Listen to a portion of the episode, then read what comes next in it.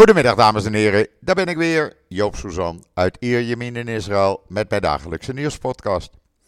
Het weer, ja, het is koud, het is nat, het is 14, 13 graden, het is uh, regen, enorme bakken met regen en dat gaat maar door. Uh, af en toe is het even droog, dan schijnt het zonnetje en dan krijg je weer een bak regen over je heen. Het is gewoon winter zoals het hoort te zijn in de winter. Althans, de Israëlische winter.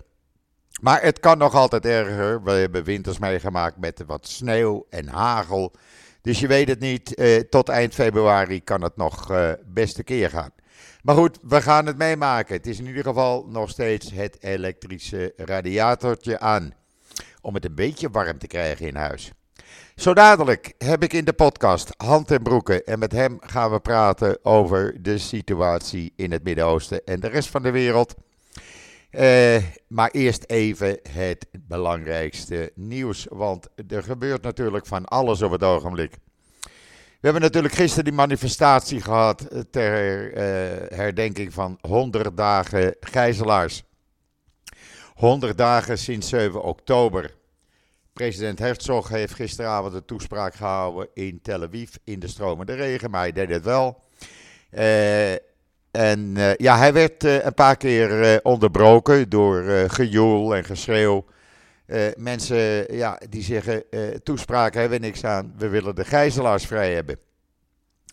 Kan ik me ook wel iets bij voorstellen, als je als familie al honderd dagen in onzekerheid zit, daar word je ook gek van. die hele toespraak trouwens heb ik vertaald en die kan je zien of lezen op israelnieuws.nl. Waar je ook uh, kan lezen dat tienduizenden over de hele wereld, wereldwijd dus, op de fiets gingen voor de gegijzelden. Zo ook in Amsterdam en omgeving. Maccabi Nederland had dat georganiseerd, fantastisch. En uh, in de stromende regen gingen toch tientallen mensen op de fiets een fietstocht maken. Met gele, uh, gele linten, gele hesjes. Ter herdenking van honderden dagen gijzelaars. Ik vind dat geweldig, echt waar. Minister van Defensie Galant die had de IDF-divisie in Judea en Samaria bezocht. Daar hield hij uh, een operationeel uh, uh, overleg. Wat daaruit is gekomen wordt niet bekendgemaakt, maar je kan zijn verslag wel lezen op Israël Nieuws. Waar je ook kan lezen dat de IDF uh, weer terroristen heeft uitgeschakeld. Dat kan je ook zien met een video. Uh, en wapens in een kinderkamer he hebben gevonden voor de zoveelste keer. Ja, dat, uh, dat doen ze bij Hamas. Gewoon wapens tussen de kinderbedjes opslaan. Daar komt toch niemand. En dan in de serie Those We Have Lost Sergeant Shir Slomo, 19 jaar slechts, vermoord op 7 oktober. Ook dat kan je lezen op israelnieuws.nl. En waar je ook kan lezen dat de IDF 9 Hamas-celstudenten heeft gearresteerd op de Al-Naya Universiteit in Nablus. Die hielden zich daar verscholen. Studeren was er helemaal niet bij. Ze waren daar gewoon ondergedoken. En ze werden gevonden door uh, de IDF en Shin Bet voordat ze enige terreuraanslagen konden doen. En dan heb ik een uh, hele mooie video met een heel mooi lied online gezet. Uh, geschreven door Alon Lulu Shemrich, die op 7 oktober naar Gaza werd ontvoerd. En uh, tijdens die ontvoering trouwens, per ongeluk werd uh, doodgeschoten door de IDF. Eh, maar hij had voor zijn dood een lied geschreven. Als je verdwijnt, zullen ze voor je terugkeer bidden. En als je verschijnt, zal niemand je kunnen zien. Een heel mooi lied. hij had de tekst geschreven. En de muziek was van Yogev Glossman, die het ook heeft uitgevoerd. Ik heb de tekst vertaald, die staat online. En de video kan je zien. Uh, dan moet je even naar YouTube via uh, de link in het artikel. Maar het is een, uh, ik vind het een mooi lied. Echt waar. echt heel bijzonder. En ja, wat het nog meer bijzonder maakt, is het feit dat ehm, het gevonden is een maand na zijn overlijden. En dan, ja, in Turkije, daar houden ze er niet van als je de gijzelaar steunt. Dat deed uh, de Israëlische voetballer Sagif Yehezgel wel. Die uh, speelt in Turkije. En die maakte op een gegeven ogenblik tijdens de wedstrijd een gebaar met zijn handen van een hartje. En hij had op het verband uh, 100 dagen genoteerd. Nou, dat mag niet. Daar werd hij voor gearresteerd. Hij heeft de hele nacht vastgezeten. Hij is wel inmiddels vrijgelaten in afwachting van de rechtszaak die uh, zal komen. En uh, of hij dan de gevangenis ingaat of dat hij het land wordt uitgezet, ik weet het niet. Maar het toont in ieder geval uh, aan welke kant Turkije staat. ja, ik, ik vind dat heel duidelijk, laten we dat zo maar zeggen. En dan de voormalige uh, stafchef van de IDF, die was stafchef tot verleden jaar, of een jaar geleden, Kogavi, die heeft gezegd dat hij uh, uh, zijn verantwoordelijkheid neemt voor alles wat onder zijn leiding is gedaan en fout is gegaan. En daar neemt hij de volledige verantwoording voor op zijn naam. En hij aanvaardt daar ook de consequenties van. Dat heeft hij uh, vanmorgen bekendgemaakt. Hij zegt: Ik ben verantwoordelijk voor de beslissingen en acties die gedurende mijn leiderschap in de IDF zijn genomen. En sinds 7 oktober vraag ik me voortdurend af: wat hadden we anders kunnen doen? Ja, eh, ik vind dat een, eh, een duidelijke uitspraak. Daar kunnen anderen een voorbeeld aan nemen. Want hij doet het toch maar. Uh, wat hebben we nog meer? Nou, we hebben een heleboel eigenlijk in uh, het nieuws van morgen. We hebben natuurlijk die uh, video die Hamas gisteravond naar buiten heeft gebracht. Waarop de drie gijzelaars Noah Argamani, dat meisje, je weet wel, die op die motor werd weggevoerd met het verschrikte gezicht. Yoshi Sarabi en Itai Svirsky. Mensen zien er verschrikkelijk uit. Die video mag hier niet vertoond worden uit respect voor de uh, familieleden. Uh, ik vertoon hem ook niet. Ik heb hem ook niet uh, online gezet. Ik heb hem wel gezien. Althans, ik kon een paar seconden aan. En toen moest ik het echt uitzetten in de Telegraaf. Die heeft hem de, wel online gezet. Is een Nederlandse krant. maar hier doen we dat niet. Maar als je die video ziet, het is verschrikkelijk. Het is verschrikkelijk. En ze vroegen daarin de Israëlische regering om hun op te halen en naar huis te brengen. Het is echt psychologische oorlogsvoering.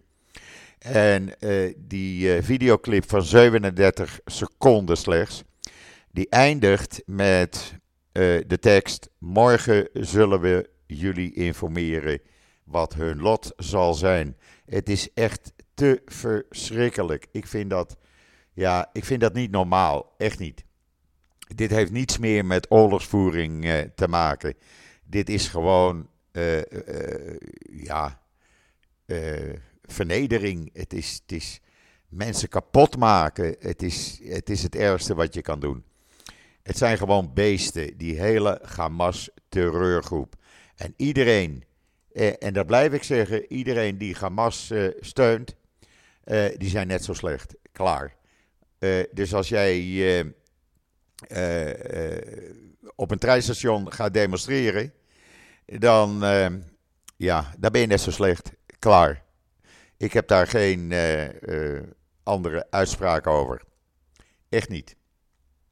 Ja, en dan heeft de Shin-Bet-chef bekendgemaakt dat hij na deze oorlog, zodra die is afgelopen, af zal treden uh, zijn ontslag zal nemen en zijn verantwoording zal nemen. Ook hij. Uh, hij heeft het niet zelf gezegd, maar Jacob Peri, de voormalige Shin-Bet-chef, die uh, heeft met hem gesproken en die heeft gezegd dat hij dat heel duidelijk tegen hem heeft gezegd. Hij is van plan om de prijs te betalen voor de mislukkingen die onder zijn leiding zijn gebeurd. Dat zegt uh, Ronan Bar tegen Jacob Peri. alles wat onder mijn leiding is gebeurd, ik ben daar verantwoording voor verschuldigd. Ik treed af zodra deze oorlog is afgelopen. En dan zal ik mijn consequenties moeten nemen. dan was er ook gisteren gisteravond een duidelijke uitspraak van Gabi IJzengot. En ook Gans heeft gezegd dat hij het ermee eens is. Die hebben gezegd, Gabi IJzengot, dat uh, onder. Wacht even, nou krijg ik een telefoontje. Ogenblikje. Moet ik eerst even. Ja, sorry, het gaat allemaal gewoon door. Dit was uh, uitgelicht. Die willen mij vanavond in de uitzending om half negen. Dus dat doet Joop gewoon. Dat gaat om te praten over 100 dagen na 7 oktober. Ook daar uh, zal ik mijn woordje doen. Maar dan ga ik inmiddels verder met waar ik mee bezig was. Gabi IJzengod die zegt: We kunnen niet zo doorgaan. We moeten onder wat voor voorwaarden dan ook alle gijzelaars vrij krijgen. En zelfs als dat inhoudt dat de oorlog gestopt moet worden en dat we Hamas niet hebben verslagen, nou, jammer dan, maar we moeten zorgen dat die gijzelaars vrijkomen. Ja, daar is niet iedereen het mee eens. Want uh, een gedeelte van de regering die zegt nee, we moeten juist deze oorlog afmaken, we moeten Hamas verslaan. Er zijn anderen die zeggen, ja, Hamas, je kan het wel verslaan, maar niet voor 100%. Er zullen altijd Hamas-leiders uh, overblijven. En die gaan weer vrolijk verder. Ja, het is een, uh, een discussie die gaande is. Ik kan me ergens wel indenken dat uh, en ook Gans nu zeggen: we moeten stoppen. We moeten gewoon moed tonen en werken aan een uitgebreide deal die de gijzelaars naar huis brengt. Uh, ja, het is wel zo. Hun tijd ja, die, die raakt op. Dat wordt alleen maar moeilijker. We weten niet hoeveel er nog leven. Uh, ja, zijn ze allemaal nog in leven? Of uh, is een gedeelte al vermoord? Je weet het niet. We hebben daar helemaal geen zicht op. Uh, ik kan me dus voorstellen dat uh, IJzengot het zegt. Hij heeft zelf ook een zoon verloren in de oorlog. Zijn neef is een dag later verloren. Of gesneuveld. Dat heb ik gisteren allemaal online gezet op israelnieuws.nl. Ja, dan uh, zelfs al ben je ex-stafchef, dan, ja, dan, uh, dan krijg je toch wel gevoelens van, ja, is dat het allemaal waard? Ja, ik vind het ook moeilijk. Uh, ik kan me voorstellen, een groot gedeelte van het land zegt gewoon, we moeten zorgen dat die gijzelaars terugkomen. Een ander gedeelte zegt nee, we moeten Hamas verslaan. Ja, wat is wijsheid? Ik weet het niet, maar ik neig persoonlijk een beetje naar het standpunt van Gans en IJzengod. Je kan niet nog eens een keer uh, maanden met deze oorlog doorgaan. Maanden waarin jongeren sneuvelen. Maanden waarin onschuldigen sneuvelen. Ik denk dat je op een gegeven ogenblik moet zeggen: oké, het is dan jammer. We hebben Hamas niet 100% verslagen. Wel een groot deel van de infrastructuur en de tunnels kapot gemaakt. Laten we het hierbij houden en laten we zorgen dat die onschuldige mensen die nu al drie maanden gegijzeld zitten, waaronder baby's, waaronder mensen van dik in de tachtig, laat die naar huis komen. Ik denk dat we daar naartoe moeten gaan. Of dat gaat gebeuren, deze regering kennende, denk ik weer van niet. Nee, dat, uh, dat gaat niet gebeuren. Uh, maar goed, eh, ik zit niet in de regering. Ik heb daar verder geen beslissingen over. Ik kan alleen maar aan jullie meedelen hoe het standpunt hier is. Ja, en dan is Egypte uh, furieus, nou, laten we maar zeggen, pisnijdig op Israël. Nadat Israël had gezegd, we moeten die Rafah-grensovergang maar in over gaan nemen en in onze handen nemen uh, zegt Egypte: No way, die is van ons. Daar gaan wij over. We kunnen dat best aan. Even een slokje water. Er komt geen enkele Gazaan, Israël, uh, Egypte in zonder onze toestemming. Dus uh, bemoeien jullie je met andere zaken. Wij handelen Rafa, de grensovergang. Ja, uh, en dan het nieuws in Jeruzalem Post. Waarin stond dat een aantal Hamas-leiders die in Libanon zaten. onder andere in Beirut zaten er een aantal. Die hebben inmiddels de benen genomen. Die zijn gevlucht. Want die willen niet vermoord worden door Israël. Uh, zij denken namelijk dat ze in Beirut en omgeving, eh, zeg maar in Libanon, vermoord zullen gaan worden. Dus ze zijn gevlucht. Waar naartoe? Ja, dat zeggen ze natuurlijk niet. Want uh, ze willen niet dat Israël dat te komen weet.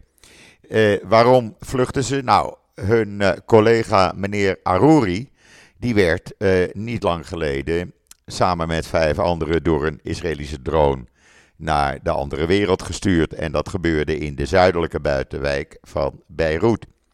Hij was nou niet zo'n grote commandant, maar was wel belangrijk uh, voor Israël om hem te vermoorden. Dus die echte commandanten die zeggen: jongens, jullie bekieken het maar. Wij nemen de benen en wij gaan uh, ergens anders wonen. Maar waar? Ja, ik zou niet weten. Misschien zitten ze ondergedoken. Uh, of zijn ze naar Syrië gegaan? Ze kunnen ook bij meneer Nasrallah in zijn bunker zitten. Ik weet het niet. Maar we komen er wel achter. Als we maar geduld hebben, zeggen we dan. Ja, en dan is uh, het niet toelaten van Palestijnse arbeiders toch een probleem aan het worden. Want uh, werknemers of arbeiders, uh, bouwvakkers, noem maar op, uit andere delen van de wereld, China, Taiwan, ze komen niet zo snel. Dus ja, wat moeten we dan?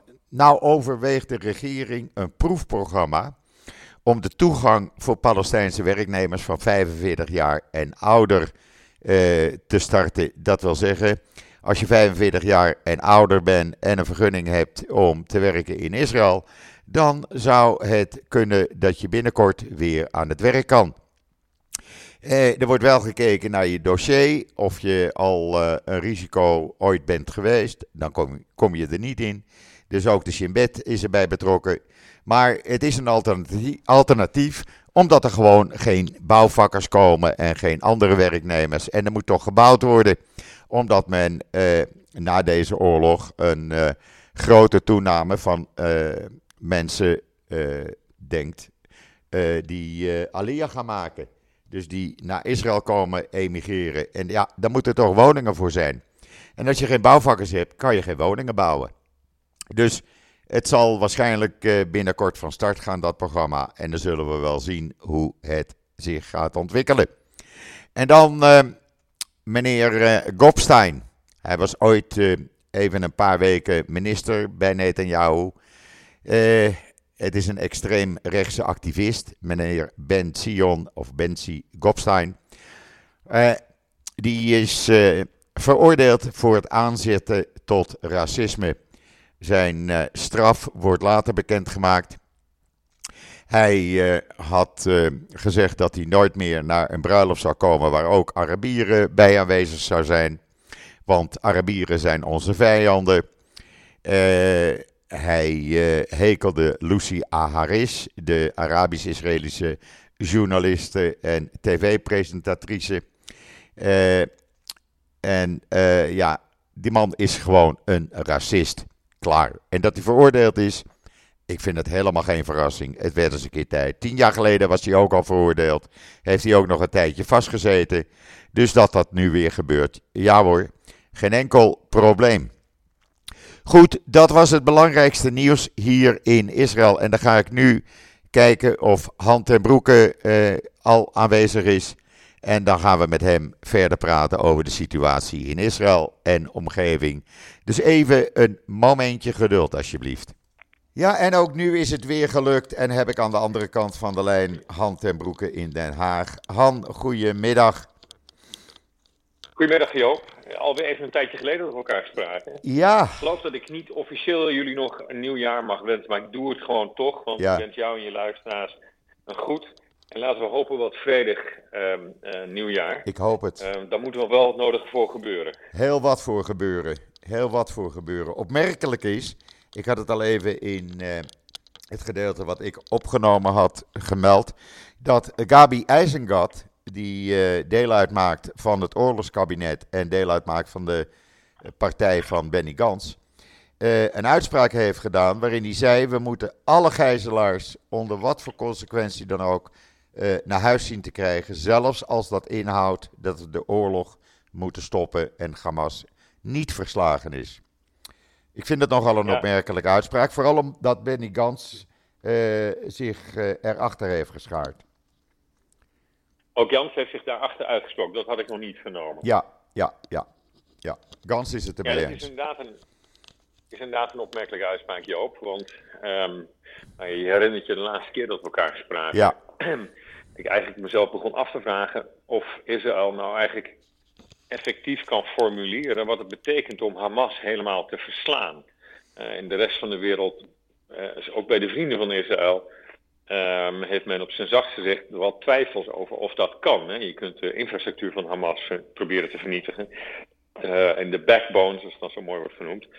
Maar Hamas zelf is daarmee nog niet van de aardbodem verdwenen. En de vraag is ook of dat een realistische verwachting is. Ja, het is natuurlijk wel van begin af aan is dit het, het, het objectief geweest van de oorlogvoering. Ja. Um, en had ik toch wel de indruk dat het belang van de gijzelaars daarvoor uh, voor moest wijken. En deze uitspraak lijkt daar toch duidelijk mee in strijd te zijn, of lijkt in ieder geval een nieuw keerpunt aan te kondigen in die, in die afweging. Ja. Ik heb wel begrepen dat voor IJzerkot geldt dat hij ook twee familieleden heeft, uh, heeft verloren ja. in, de, in, de, in de strijd. Zijn zoon, zijn zoon en een dag later uh, zijn neef. Ja. ja. Maar goed, het, het, is natuurlijk wel een militair en een, um, um, een man die um, ook een enorme staat van dienst heeft. En in een partij die volgens mij op dit moment de facto voor het zeggen heeft. In dat, in dat oorlog. Uh, ze doen het erg goed, laat ik het zo zeggen. Ja. Ze hebben nog steeds, als er nu verkiezingen zouden zijn, zou de partij van Benny Gans uh, heel makkelijk winnen. Dus ja. wat dat betreft hebben ze voldoende steun onder de bevolking. En je zou kunnen denken dat een groot gedeelte van de bevolking ook zo denkt. Helemaal nadat vanmorgen die video uh, vrij is gekomen van drie gijzelaars. -hmm. Die hier in Israël niet ja. uh, vertoond mag worden. Uh, en we doen dat ook niet. Ja. Maar uh, ik zag hem wel bij de Telegraaf. Daar zit onder andere dat meisje Noah bij. Dat uh, meisje dat toen op die motor werd weggevoerd. Die foto die heel, ja. heel de wereld overging. Ja, het is een psychologische oorlogsvoering. Vooral omdat ze eindigen met de uitspraak. we weten niet wat het lot morgen van hun is. ik vind nee. dat nogal wat waarmee een soort dreiging toch in de lucht uh, blijft hangen. Ja. Nou ja, ook voor jouzelf geldt natuurlijk dat je um, persoonlijk uh, groot belang hebt dat, dat die gijzelaars vrijkomen. En ik denk dat in Israël dat voor iedereen geldt. Dat iedereen wel een kennis, familielid heeft of iemand die daar weer familie van is die, die hierdoor getroffen is. En ik vind het ook een, de logische afweging. En het enige wat ik me afvraag is of die afweging tussen het, het doel Hamas vernietigen en de gijzelaars vrij of die afweging niet van het begin af aan iets anders had moeten worden gemaakt. Dan, dan nu lijkt in ieder geval een soort van realiteitsbesef door te breken. De Israëlische zijde dat je Hamas nooit helemaal op de knieën kunt krijgen. Um, ook, ook als er geen Hamas-strijders meer zouden zijn. En wat ik jou eigenlijk zou willen vragen, want dat is voor ons heel moeilijk te beoordelen. Wat, wat, wat komt er nou door in Israëlische media over, eh, waar de rest van de wereld spreekt, eigenlijk zonder uh, uh, slag of stoot neemt men de, de cijfers over die door het Gaza-ministerie van uh, Volksgezondheid worden gepubliceerd. 23.000 doden, waarvan een derde kinderen, um, 600, de, ja, ik geloof 60.000 gewonden. Um, dat zijn verschrikkelijke aantallen en natuurlijk, het is dicht bevolkt. Um, uh, maar dat zijn aantallen die toch direct bij iedereen de vraag oproepen hoe precies er dan wordt opgetreden. Nou ja, kijk, uh, de IDF heeft gisteravond een aantal cijfers bekendgemaakt. Van de oorlog in cijfers tot nu toe. Waarbij ze Mhm. onder andere vermelden dat er ruim 9000 uh, Hamas-terroristen, Hamas-strijders zijn gedood. Uh, die maken dan onderdeel uit van het aantal wat Hamas noemt. Alleen Hamas zegt dat niet, omdat je ook niet kan zien of het uh, strijders zijn, want ze zijn gekleed in burgerkleding. Dat is het grote probleem. En waarom weet Israël dat wel? Waarom weet IDF dat dan wel? Omdat ze uh, gewapend rondlopen en met raketwerpers rondlopen en uh, proberen de IDF aan te vallen. En ja, dan word je dus gedood in een gevecht. Zo gaat dat. Uh, ik zet ook regelmatig die filmpjes online waarin je dat kan zien. Dat er veel burgerslachtoffers zijn, ja, absoluut. Maar dat het er 24.000 zijn, nee, dat niet. Want een groot gedeelte daarvan zijn gewoon Hamas-strijders. Dat is duidelijk. Dus ja. Ja, het, het is, kijk, de, de, aantallen, dat zal een soort gevecht in zichzelf in de publiciteit zijn. En niemand die het kan controleren. niemand. Niemand die kan controleren. En toch, toch moet er iets van verificatie plaatsvinden.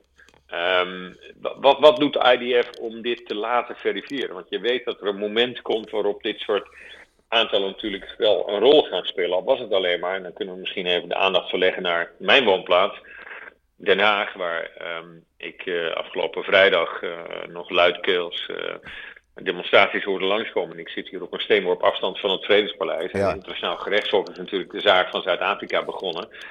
Um, een, een, bizarre zaak wat mij betreft. Um, dat, dat Israël op, op genocide wordt aangesproken, waarbij nou ja, dat weet iedereen. Dan moet je ook intent, hè, de intentie om een groep of een deel van de groep om die um, uh, om religieuze redenen of om andere redenen uh, om die helemaal te vernietigen.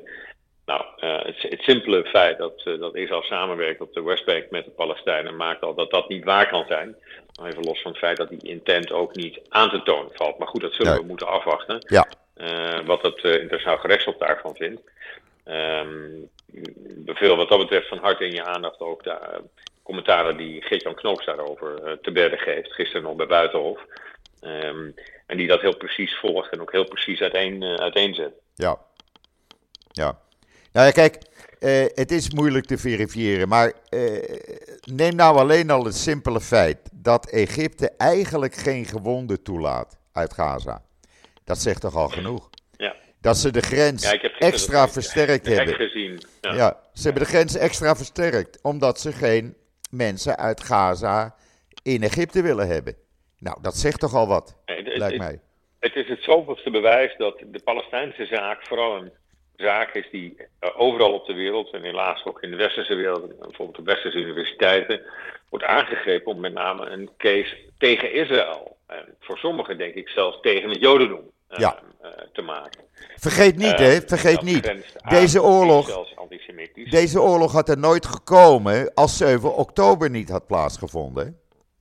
Zo is het. Dat wordt voortdurend uh, wordt dat on, als het ware terzijde geschoven. Ja. En er is ook nog geen demonstratie die ik heb gezien voor de vrijlating van de gijzelaars.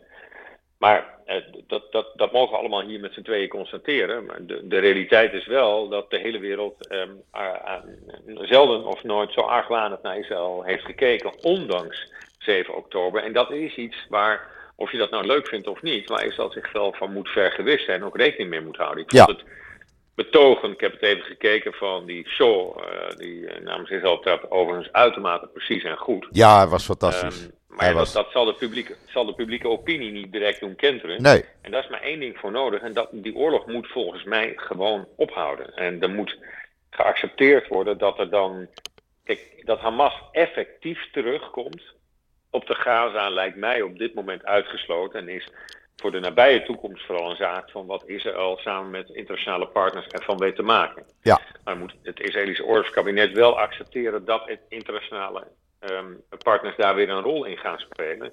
En dat dan ook van Israël zal worden geëist uh, dat men een twee-staten-oplossing weer in beeld brengt. We laten we één ding vaststellen met elkaar.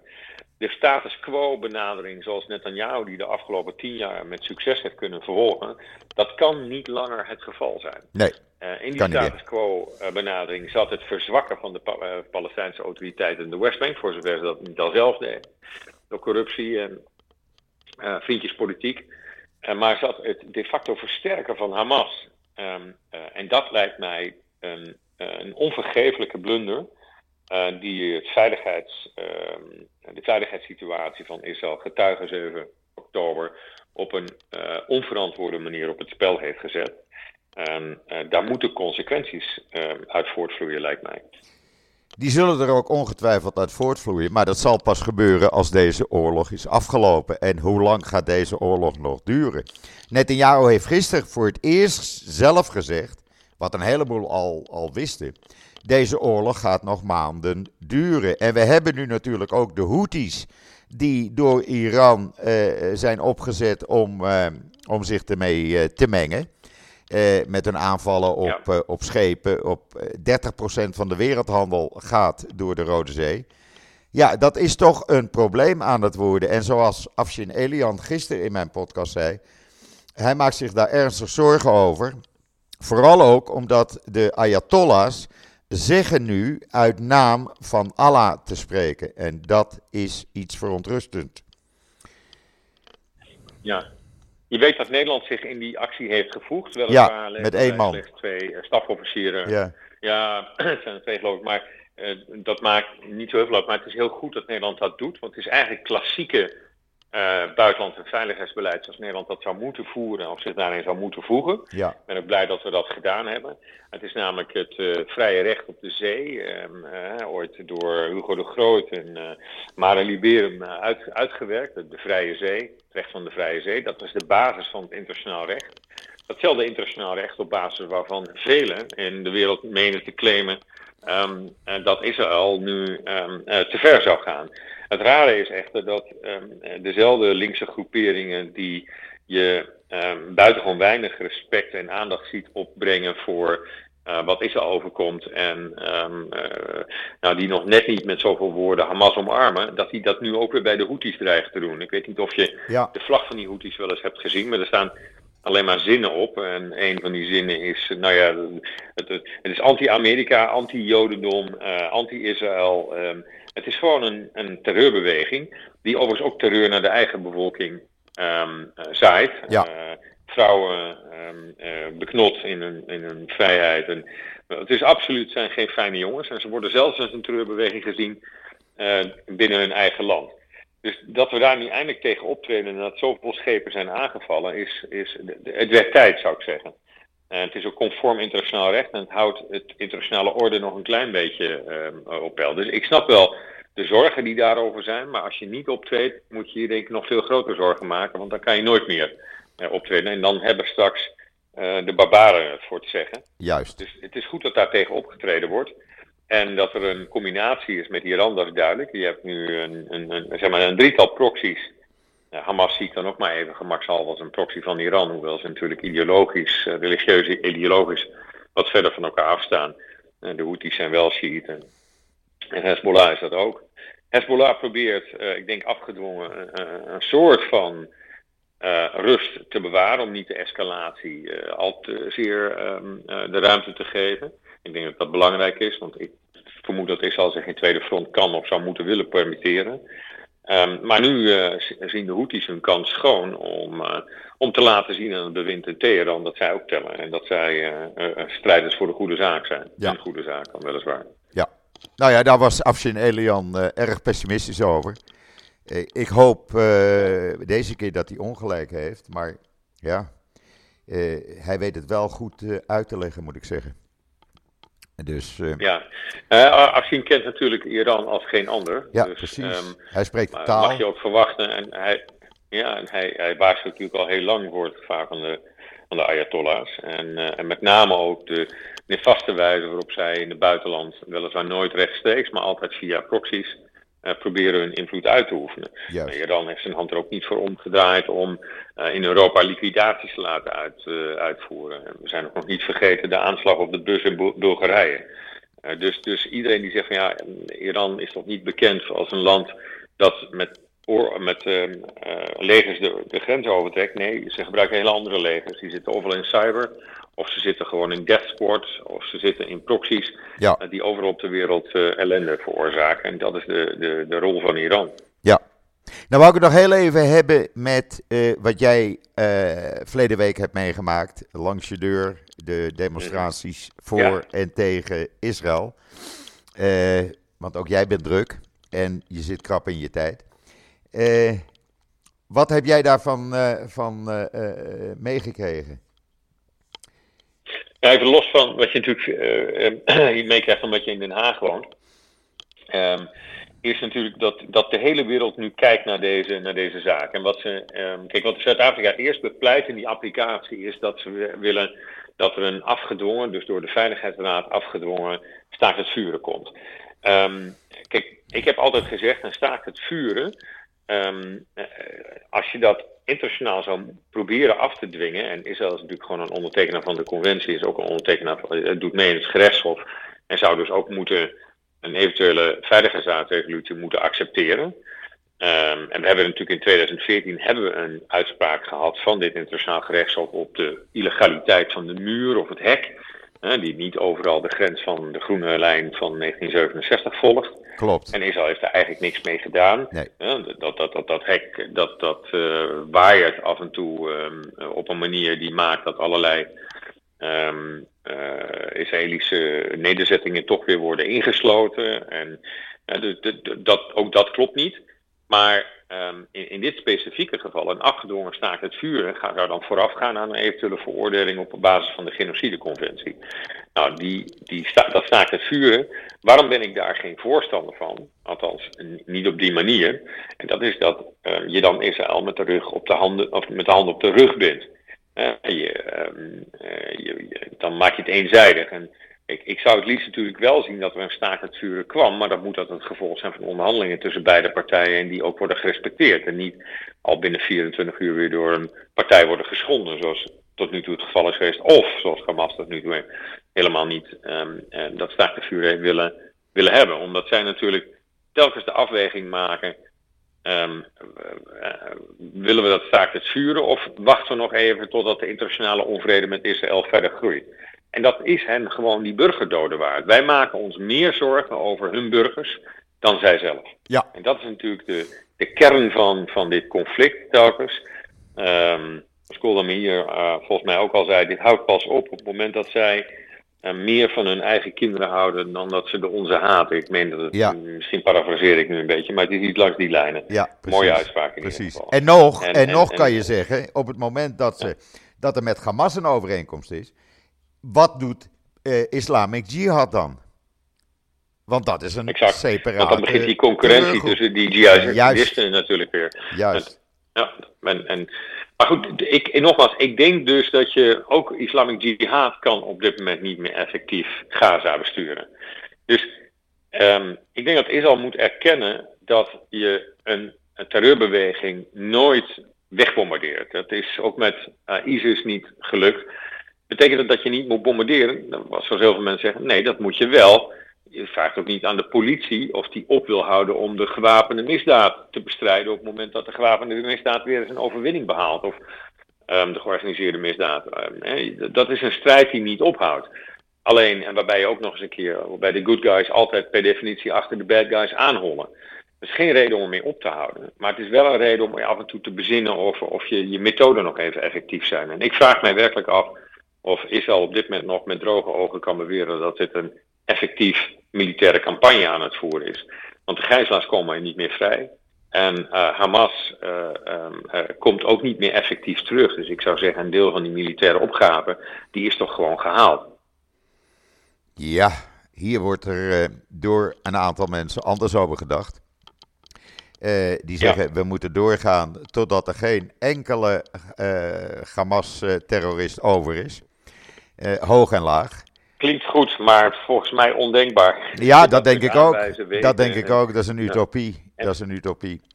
Maar goed, voor, dan, dan zie ik. Elk oud ouderpaar wat, wat bij wijze omkomt in een, in een, in een, um, in een bombardement. Ja. En een kind wat um, uh, zeg maar als wees moet opgroeien. Heb je een potentiële Hamas 2.0 terrorist. Ja. En um, zonder je heel veel angst aan te willen jagen. Uh, de volgende keer komen ze met een vuile bom. En dan. Precies. En met die flauwe Qassam-raketten. Precies. Precies. Ja, ik vind het een hele moeilijke. Deze escalatie uh, moet stoppen, Joop. Ja, ja, het moet stoppen. Maar goed, ik krijg vanmorgen. Ook in het belang van de wereld. Ik krijg, vanmorgen, ik krijg vanmorgen een foto toegestuurd van iemand die daar was bij die demonstraties. En die heeft een heleboel foto's ja. gemaakt. Ik ga hem, uh, uh, hij staat nu online. Uh, op die foto een Palestijnse vlag met het woord geen wiedergoedmaching. Hoe vind je die? Ja, ja. Ja. ja dat is. ehm, Wat heeft het ja, dan nog met de goeie, Palestijnen ehm, te maken? Ja, precies. Ja. Nee, maar het, het, dit, dit heeft ook. Dat is de ellende van het hele conflict. Is dat, dat heet eh, het, het Palestijns-Israëlische conflict. En dat heeft steeds minder met de Palestijnen en steeds meer met Israël te maken. Nou, steeds meer met En de Joden. opvatting die over Israël. Steeds en meer met ook Joden. met Joden. Zie Ja. wat ik net zeg? Ja. Het- het is niet meer Israël, het is gewoon Joden. Dat zie je ook aan die Hamas-cel die, ze in, eh, die ze bekend hebben gemaakt, die in Europa eh, actief is, was. In Denemarken zijn ze opgepakt, in Nederland weet ik het niet. Er was ook een Hamas-commandant actief in Nederland. Eh, dat dat doe je, dus dat doe je niet zomaar. Dat doe je niet En zomaar. jij, j- jullie hadden ook nog opgemerkt dat er iemand van El Hak in, het, ehm, dit- in de delegatie van, Ja. ehm, van, van, eh, van, Zuid-Afrika. Eh, sorry, van eh, Zuid-Afrika. Ja, zogenaamd als waarnemer, maar hij zat wel in de delegatie, de directeur van Al-Haq. Nou, dat is een treurorganisatie. Wat doen die bij de Zuid-Afrikanen in die delegatie naar het internationaal gerechtshof? Ja. Ja, een beetje vreemd Ja, allemaal. Dat is voor mij een vraag. En we zullen het misschien binnenkort weten. Een beetje het vreemd allemaal. goed dat je het hebt opgemerkt. Ja. Ja. Je houdt het tenminste goed in de gaten voor ons allemaal. Nou ja, ik zag, het, eh, ik zag het staan in de Jeruzalem Post. Dat zijn dan van die kleine berichtjes, weet je wel. Die juist opvallend ja, zijn. Veelzeggend. Ja, precies. Ja. Ik heb hem ook op social media gezet. Eh, Mhm. Ik vind het nogal, eh, ja, duidelijk eigenlijk welke kant die hele rechtszaak opgaat. Dat heeft niets meer met Israël te maken. Het is gewoon tussen Joden en extremistische Arabieren, laat ik het zo maar zeggen. Daar gaat het om. Ja, precies. En, nou, sommigen hebben ook wel degelijk de bestaansrecht van de, van de staat eh, van Israël. eh, die zitten uh, discussie stellen, ben ik bang. Maar ook dat heeft misschien wel ten diepste te maken met een gevoel van antisemitisme. Ja, absoluut. Je kan niet gaan zingen van eh, eh, From the River to the Sea. Want dat betekent dat, eh Nee. daar moeten 7,5 miljoen Joden. Israël ten einde komt. Juist, precies. Ja. Precies. Dan eh, zitten we weer zonder, Nee, eh, zonder iets.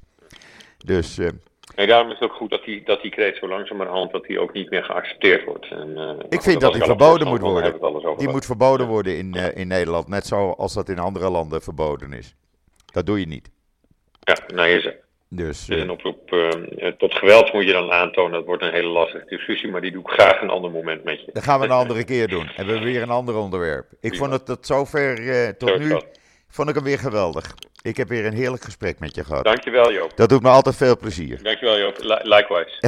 Oké. En ik wens jullie ik spreek je snel. Dankjewel. En, ehm, hou je goed daar. Oké, Dag Joop. tot ziens aan. Bedankt. iemand mee aan het einde. Ja, ja, altijd. Altijd. hey, tot Bye, ziens. Bye. Bye. Zo, dat was eh, ja, een leuk gesprek. Een goed gesprek met Hand en Broek. Morgen ben ik weer eh, aanwezig met een nieuwe podcast. Dan heb ik eh, iemand van Christenen voor Israël, meneer Frank van Noort junior. Die komt morgen in de podcast. En met hem ga ik eh, praten vanuit een christelijk oogpunt. Lijkt me ook weer eens interessant. In ieder geval, ik ben er morgen weer en zeg zoals altijd: tot ziens, tot morgen.